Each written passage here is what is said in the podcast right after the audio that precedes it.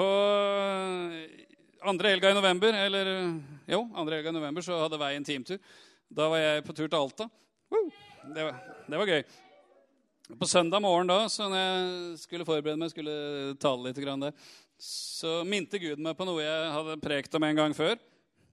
Og så tenkte jeg ja, det, det var et godt budskap. Det, det, det, var en stund siden sist jeg talte om det. Det var faktisk i oktober eller november 1991. Så, så det var jo en stund siden. Liksom, halvparten av folka var knapt født. ikke sant? Så jeg sier litt om alderen min også. Men, men, siden det så har jeg de gangene jeg har talt, talt om dette her. For Gud slipper liksom ikke tak i dette her for meg akkurat nå. Så må jeg bare beklage til de som var på tur med meg til Alta, eller Øystein som var på Voss sist søndag, og Ingebjørg for den saks skyld. Men, men det, er det, det, er det, her det går i akkurat nå. Uh, så, så, da får vi bare, bare, ta det. Jeg skal ta dere med inn i to historier i Markusevangeliet. Uh, to historier som begynner helt likt, og som slutter helt forskjellig. Og vi skal kikke på hva det er som er forskjellen. Før jeg da begynner med det, så har jeg lyst til å si det at uh, jeg håper du er klar over når vi preker om ting her, at du får ikke sagt alt og hele sannheten i én tale. Så det jeg kommer med nå, er én side av ting. Det er ikke, det er ikke alt. ok? Det blir omtrent som hvis jeg skulle stått her og hatt en trekvarters forelesning om matematikk, så hadde jeg dekka hele området matematikk. liksom, ikke sant? Altså det, det, er teknisk umulig. Det fins veldig mange andre ting å si også, men i dag er det dette jeg vil legge vekt på. Dette er ikke den eneste sannheten, men det er en del av sannheten. ok? For Det, det typiske vet du, er jo det at altså, i hvert fall i Kristen-Norge er det at altså, veldig mange kritiserer forkynnelse og undervisning. og sånn, Ikke ut fra hva som ble sagt, men ut fra hva som ikke ble sagt. Men du må bare være klar over det. Du får ikke sagt alt i løpet av en tale. altså. Jo, men det var hyggelig. det var hyggelig. Ok, Markus 1, fra vers 21. Markus 1 fra vers 21. De gikk så inn i Kapernaum, og på sabbaten gikk han straks inn i synagogen og lærte. De var slått av undring over hans lære, for han lærte dem som en som hadde myndighet, og ikke som de skriftleide.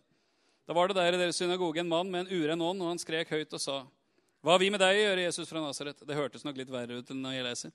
Hvis en uren ånd skriker høyt, så høres det litt verre ut. Du er, du er kommet for å ødelegge oss, jeg vet hvem du er, du Guds hellige. Men Jesus truet den og sa, ti stille og far ut av ham. Og den urene ånd rev og slet i ham, skrek med høy røst og for ut av ham. Da ble alle forferdet, og de spurte hverandre, hva er dette? En ny lære, med myndighet befaler han til og med de onde ånder, og de adlyder ham. Og ryktet om ham kom straks ut overalt der omkring i Galilea. På sabbaten så pleide Jesus å gå i synagogen. Og når de var i Kapernaum, så gikk han da i synagogen i Kapernaum. Og Der var det også en mann som hadde en uren ånd. Han hadde sikkert gått i synagogen hele sitt liv, og den urene ånd hadde nok vært med han på ganske mange synagogemøter. Eh, men akkurat når Jesus er der, så klarer den urene ånden ikke å gjemme seg, for Jesus er lyset, og når lyset kommer, så avsløres mørket. Og Da ble det litt mer action i synagogen enn det det pleide å være på en vanlig sabbat. det skal jeg love deg. Jeg mener, Mange av dere er vant til at på møtene hver søndag så er det onde ånder som skriker og roper. og sånne ting. Jeg håper vi blir litt mer vant til etter hvert. Ja, fordi vi trenger litt sånt, vi òg. Få de ut og, og sånn. Ja. Men ok, det er ikke poenget her. Poenget er at folket blir overraska. De blir slått av undring over hvem Jesus er, den makten han har, den autoriteten han har. Og så begynner ryktet om ham å gå. Og etter at de er ferdig i synagogen, så, så, inviterer Peter og Andreas hjem, hjem til seg. Og tenker ja, nå har, vi, nå har vi vært på møte, nå skal vi hjem, nå skal vi spise og kose oss og slappe av og ha en hyggelig lørdag ettermiddag. ikke sant? Sånn familiekveld med Jesus her. ikke sant? Og så, så er jo Peters svigermor syk. da, Storfamilier, sant? så de, mange i familien. så... Jesus trår nå til og helbreder Peters svigermor. Det var jo bra, for da ble det mat. Sant? Peter var ikke så god til å lage mat. Så, uh, hun sto opp og stelte for dem. Sånn. Det, det, er jo noen som har sagt det, at Jesus er jo så god, så han helbreder til og med svigermødre. Veldig glad i min svigermor. Ja. Jeg hørte til og med sitert en argentinsk forkynner som sa at han mente at en av grunnene til at Peter fornekta Jesus, var at han helbreda svigermora. Men jeg er ikke helt sikker på Jeg, jeg tror den er litt drøy, da. Jeg tror ikke du skal henge deg opp i det, for å si det sånn. Men, men så ble det jo en enda kjekkere kveld, for svigermor hadde jo vært syk. Og nå var hun frisk og lagde mat, og svigermor var sikkert god til å lage mat, så nå ble det veldig bra. Nå ble det helt fantastisk. Så tenkte Peter og Andreas og disse andre tenkte at nå, nå, nå en god kveld med Jesus. Og så, og så plutselig så, så banker det på døra, vet du. Så går sikkert en av de karene og åpner, og så kikker han ut, og så blir de stående sånn. For da står det at da det ble kveld, hvis vi går noen vers lenger ned, vers 32, Men da det var blitt kveld og solen var gått ned, brakte de til ham alle som var syke og de som var besatt av onde ånder, og hele byen var samlet utenfor døren. Han helbredet mange som led av forskjellige slags sykdommer. Han drev ut mange onde ånder, men han tillot ikke åndene å tale, for de kjente ham. Når noen åpner den døra, da, så står det at hele byen var samla utafor. Vi vet ikke hvor mange som bodde i Kapernaum på den tiden, og hele byen kan jo være å ta litt sterkt i, men at det var mange mennesker der, det er ikke tvil om. Og hvorfor? Ganske enkelt fordi ryktet hadde begynt å gå om Jesus. Og når folk fikk høre at det fins en som helbreder, det fins en som kan sette fri fra onde ånder, ja, da kom de strømmende til. Og det som skulle bli en rolig kveld, ble en kveld med masse action. Masse helbredelser, masse befrielser. Hele byen samla. Jeg er klar for at vi kommer dit igjen, og ryktene begynner å gå. Altså. Om at når vi kommer sammen, så er Jesus midt iblant oss. Han helbreder, han setter fri, han reiser opp. Da kan det bli kø. Så står det videre tidlig om morgenen, mens det ennå var ganske mørkt, sto han opp og gikk ut. Han dro bort til et øde sted og ba der. Sim og de, og de andre som var sammen med ham, fulgte etter ham, og de fant ham og sa til ham, alle leter etter deg. Det Jesus gjør i Kapernaum, er altså så radikalt og så fantastisk at når morgenen etter kommer, det første disse menneskene tenker på når de våkner om morgenen, er at de må finne Jesus igjen. Det er noe med et skikkelig møte med Jesus som ikke gjør at du går hjem og tenker ja, ja, nå har jeg opplevd det. Skal gjøre, hva skal vi gjøre i morgen? Hva skal vi ha til middag? Altså, det er noe med et skikkelig møte med Jesus som gjør at du får lyst til å møte Jesus igjen. Som gjør at du vil ha mer. Og Hele gjengen i Kapernaum de var der. De samla seg utafor, de ble helbreda, de ble satt fri. Dagen etter så ville de ha mer av Jesus. Herlig? Fantastisk herlig. Da skal vi gå til Markus kapittel 6. Som sagt, En historie som begynner akkurat på samme måten, men som slutter på en helt annen måte. Han gikk så bort derfra og kom til sitt hjemsted, og hans disipler fulgte med ham. Da det ble sabbat, begynte han å lære i synagogen. Mange som hørte ham, ble meget forundret og sa, 'Hvor har han dette fra?' Hva er det for en visdom som er gitt ham, og slike kraftige gjerninger som skjer ved hans hender? Er ikke dette tømmermannen, Marias sønn, bror til Jakob, Joses, Judas og Simon? Er ikke søstrene hans her hos oss? Og de tok anstøt av ham. Jesus sa til dem, en profet blir ikke foraktet andre steder enn på sitt hjemsted blant sine slektninger og i sitt eget hus. Og han kunne ikke gjøre noen mektige gjerninger der, unntatt at han la hendene på noen få syke og helbredet dem, og han undret seg over deres vantro. Han dro så rundt i landsbyene der omkring og lærte. Dette er altså en annen lørdag, en annen sabbat, ikke så veldig lenge etterpå. Og Jesus gjør akkurat det samme. Han går i synagogen, denne gangen i Nasaret, for det er der han kom fra. Og han underviser. Og begynnelsen er omtrent som den forrige historien. De undrer seg. Å, wow, han visdom og makt og autoritet. Og fantastisk dette her. Hvor har han alt dette her fra? Men så kommer disse menneskene på da, at ja, men hallo, vi kjenner jo den karen her. ikke sant? Dette er jo Jesus. Han, han kjenner vi, han er jo oppvokst der. Altså, hans mor sitter der, der broren hans er der, og, og søsteren og alt. ikke sant? Altså, nei, hvem er det han tror at han er, egentlig? Og Så står det at de tok anstøt av han, altså De blir altså fornærma og tenker har han noe å komme med her, da? Og Resultatet er at det står han kunne ikke gjøre noen mektige gjerninger der, unntatt at han la hendene på noen få syke og helbredet dem.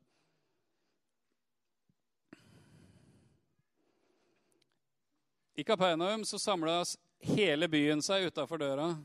Og massevis av mennesker ble helbreda og satt fri. I Nasaret så kunne han ikke gjøre noen mektige gjerninger. Men det klarer ikke å begrense Jesus helt. vet du. Han fikk lagt hendene på noen få som ble helbreda. i hvert fall. Men det står han undret seg over deres vantro og dro videre. I Kapernaum ville de holde Jesus igjen fordi de syntes det var så bra det han hadde og det han kom med. at de ville ha han der. I Nasaret så, så reiste han bare videre. Det er to veldig forskjellige historier. er det ikke det? To veldig forskjellige avslutninger og resultater. Og det mest fantastiske eller forbløffende eller skremmende med det, forskjellen på de to historiene er én ting, og det er at Jesus er akkurat den samme begge steder. Det er ikke en mindre Jesus som jeg drar på besøk til Nasaret. Det er ikke en Jesus som var i litt dårlig form og følte seg litt mindre kraftfull. Eller sånn. Eller kanskje ikke helt eh, hadde dagen, liksom. Nei, jeg kjenner ikke for å helbrede noen folk i dag. Jeg tror jeg tar en pause. liksom. Det, det, det er ikke sånn. Jesus er den samme i går og i dag og til evig tid. Men de to så vanvittig forskjellige resultatene har med én en eneste ting å gjøre, og det er folks reaksjon på Jesus. Det er folks holdning til Jesus på de to forskjellige stedene. som avgjør de to forskjellige resultatene. Er det ikke det? Det er sant. Som sagt, Det er ikke hele sannheten, det er ikke den eneste sannheten i Bibelen, men det er en sannhet, det. Og For meg så ble det, den første gangen jeg oppdaga det her, så ble det fryktelig alvorlig. Ikke sånn, men det ble, det ble en sånn greie. Altså, hvilken holdning har vi til Jesus? Hvilken holdning har vi til det å gå på et møte? Nei, jeg skal gå på et møte. Vi er jo kristne, så vi går på et møte. ikke sant? Ja, Det kan jo være fint med litt lovsang, få litt gode frysninger her og der. Treffe vennene, gå hjem og slappe av, se om det er noe bra på TV etterpå. Så jeg har vært på møter, da, så jeg får kryssa det i boka. ikke sant? Ja, vi skal jo gå på møte, sant? Vi må jo det. Ja. ja. ja. Så er sannheten det at Jesus er like mye til stede her som han var i Kapernaum og som han var i Nasaret. Og så er sannheten da det at du får faktisk så mye som du vil ha. For så vidt jeg vet, ifølge Bibelen, så er det sånn at når Jesus døde på korset, så betalte han prisen for absolutt alt. Når Den hellige ånd kom på pinsedag, så kom han med absolutt alt. Og det vil altså si Det er ikke Jesus som bestemmer hva som skal skje når vi kommer sammen. Det er vi. Ja. ja, men, ja, men Gud er jo allmektig, og Gud kan gjøre alt når han vil, hvor han vil, og alt mulig. Jo da. Gud er allmektig, men han har satt én begrensning på sin allmakt. og Han gitt oss en vilje. Og vi kan velge Gud, og vi kan velge helt andre ting. Trust me, jeg har prøvd. Det funker å velge Gud, og det funker å velge helt andre ting også. Håper du har oppdaga det, du òg. Mm. Det vil altså si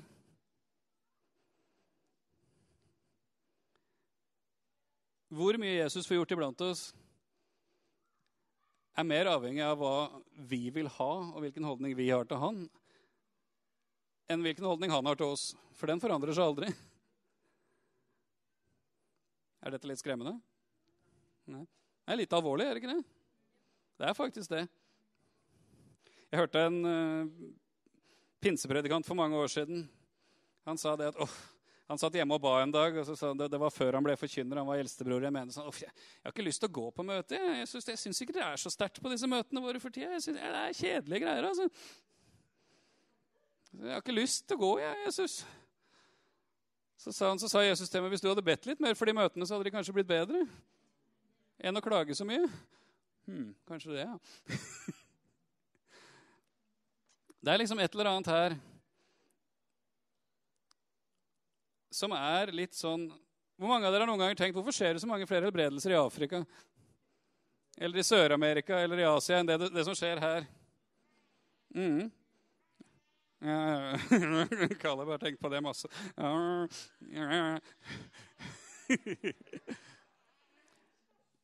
Er det liksom sånn at her i vår del av verden så er Jesus på ferie, og så er han sterkt til stede disse andre stedene? Nei. Nei, det er ikke sånn. Forskjellen er at på sånne steder så er det faktisk slik at disse menneskene er faktisk litt enklere enn oss. De fleste av de. I positiv betydning av ordet. Hvis du forteller de at Jesus helbreder, og Jesus er den samme i går og i dag, han er akkurat sånn som dere står i Bibelen, ja, da, da, vil de ha han akkurat sånn som han er i Bibelen. Og da får de han akkurat sånn som han er i Bibelen. Men vi, vi, vi er så avanserte. vet du. Vi har Nav, og vi har helsevesen, og vi har skolevesen. og Vi, vi har alt. Vi, trenger ingenting. vi. Vi klarer oss så fint. Altså, om ikke Jesus kommer, så har vi godt program og gode løsninger. Not. Det var visst en møteleder en gang som sa det. Ja, ja, ja, Om ikke Herren skulle dukke opp, så har vi et veldig godt program for det. Altså, da... Og da er vi ikke, ikke bare på villspor, da er vi på feil villspor. Altså. Jesusfellesskapet handler ikke om å være en menighet som er annerledes enn alle andre. Fordi vi skal finne vår nisje eller vår markedsføringsstrategi. Jesusfellesskapet handler om at hvis ikke Jesus kommer, så ser vi fryktelig dumme ut. Hvis ikke Jesus kommer med sitt nærvær, hvis ikke Gud kommer og gjør ting, så er dette et fryktelig kjedelig sted. Altså, altså let's face it. Altså, hvis, du, hvis, du, møter uten å, å møte Gud, er, da kan du like gjerne gå på bingo. Altså, da kan du i hvert fall vinne noe. Altså, Da er det morsommere ting på TV, altså. Ja, Og det sier mer om, uh, om kjedelige møter enn at det mye bra på TV, men det er en annen side. Så uh, vi skal ikke gå dit. Poenget med Jesusfellesskapet er å skape en kultur hvor Jesus får lov å gjøre alt det han har lyst til å gjøre. Men da har jeg én dårlig nyhet til dere, og det er det at altså, vi som er ledere, klarer ikke å skape den kulturen alene. Hvis du er på et møte, hvis det er 100 stykker på et møte, bare for å ta det sånn statistisk, og så er det 10% som har lyst til å møte Jesus, de andre 90 har ikke lyst, hvem tror du vinner?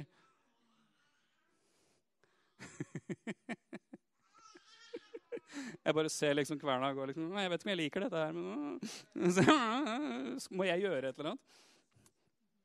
Steinar jeg var på Færøyene i begynnelsen av september. Gunnar var med også. Fint på Færøyene. Og første gangen jeg var det. Jeg er veldig bra på Færøyene. De to første samlingene vi hadde, var helt fantastiske. De tre første samlingene vi hadde, var helt fantastiske. Masse nærvær, og Gud gjorde ting. og Det var så lett og åpent å preke. og det var så, altså, vi ba for folk, så skjedde det masse ting. Og Så kom vi til møte på lørdagskveld. Så står jeg på første rad, da, eller ikke på, ved første rad. Eh, så, for det taler og sånn? Så, så står vi der framme og, og tilber Jesus. Så, jeg har ikke sett meg bakover omtrent i det hele tatt etter at lovsangen begynte. Jeg liksom bare står der og hm, halleluja og herlig og Jesus og du er god. Og så bare merker jeg at dette er noe helt annet enn det vi har hatt på de andre møtene. Det var liksom sånn jeg følte når jeg, når, jeg, når jeg lovsang, så var det liksom sånn Jesus, vi priser deg. Så datt, så datt det liksom ned cirka der. ikke sant? Det var ikke det, det, var ikke det at det nådde, det nådde til himmelen, det nådde ikke til taket engang. Liksom så jeg må bare snu meg, da, og så ser jeg det at den lørdagskvelden hadde alle de som pleier å gå på møte, for det skal man jo gjøre, kommet. Og ikke bare de som var sultne på Jesus. Sånn at halvparten av salen var der, og halvparten av salen var der. Men jeg merka det, altså med ryggen til så merka jeg det. Her er det noe annet som ikke har vært der på de andre møtene. Resultatet av det var at det var heldigvis Steinar som skulle ta det, var at jeg gikk i grunnen bak og ba i tunger resten av det møtet. Og jeg tror det ble et ganske bra møte den kvelden òg. Men, men, det er bare noe, altså det er skremmende å se hvor mye folks innstilling har å gjøre med hvor mye gudsnærvær du får, og hva, hva som kan skje. Det er faktisk skremmende å se. Jeg mener altså Jeg har vært på møter forskjellige steder rundt om i verden. Altså, mange tenker liksom Å, å, jeg, jeg, å jeg, har vært i Bethel, vet du. Å. Å. Og det er så herlig i Bethel. Og det er, det er jo himmelen på jord. ikke sant? Altså, jeg var i Bethel i november. Jeg var rett før jeg dro til Alta. Det var den beste løsningen for å bli kvitt jetlagen. Not, men, altså, det er, men, det er, en helt annen historie. Men, altså, men, det er fantastisk herlig i Bethel. Mange syns det er herlig i Bethel? Hvor mange vet at Bethel ligna ikke på det der i det hele tatt når Bill Johnson kom dit? De hadde, de hadde møter som varte en time og et kvarter. Og så dro alle hjem. Grunnen til at det er så herlig i Bethel, er fordi det er blitt bygd en kultur hvor menneskene har en hunger etter Gud. De vil ha mer, og når de kommer sammen, så kommer jammen Gud skikkelig òg. Det er ingen grunn til at det ikke går an å ha det omtrent som i Bethel her. Kanskje ikke antall mennesker, da, ikke Bill Johnson, men sånn ellers. Det er egentlig ingen grunn. Hvis vi vil ha det sånn, ikke fordi vi vil ha det så mye battle, men hvis vi har mer av Jesus og vil ha mye av Jesus når vi kommer sammen, så er det egentlig ingen grunn til at ikke vi kan ha det. Men hvis det betyr at jeg er mer opptatt av når er vi ferdige, egentlig, så jeg kan komme meg hjem. Eller ah, ja, ja, nå har jeg noe godt på møtet i dag, så får nå lederne være fornøyde. i hvert fall da ser jeg, Kan du krysse av i boka? Ja, hun har vært der i dag. Han har vært der i dag. Altså, Overgivelse og pliktfølelse er bra. Det er ikke noe feil i det. Men hvis det bare blir plikt, så blir det kjedelig i lengden. Altså. Hvis jeg sier til Ingebjørg 'jeg elsker deg' for det, er min plikt å elske deg altså, Plikt er bra, men det er ikke nok. Det er veldig bra at du er her fordi du er overgitt. Men jeg vil enda mer at jeg vil ha deg her fordi du har en hunger og en lengsel etter Gud, og du ønsker å møte Jesus når du kommer. Fordi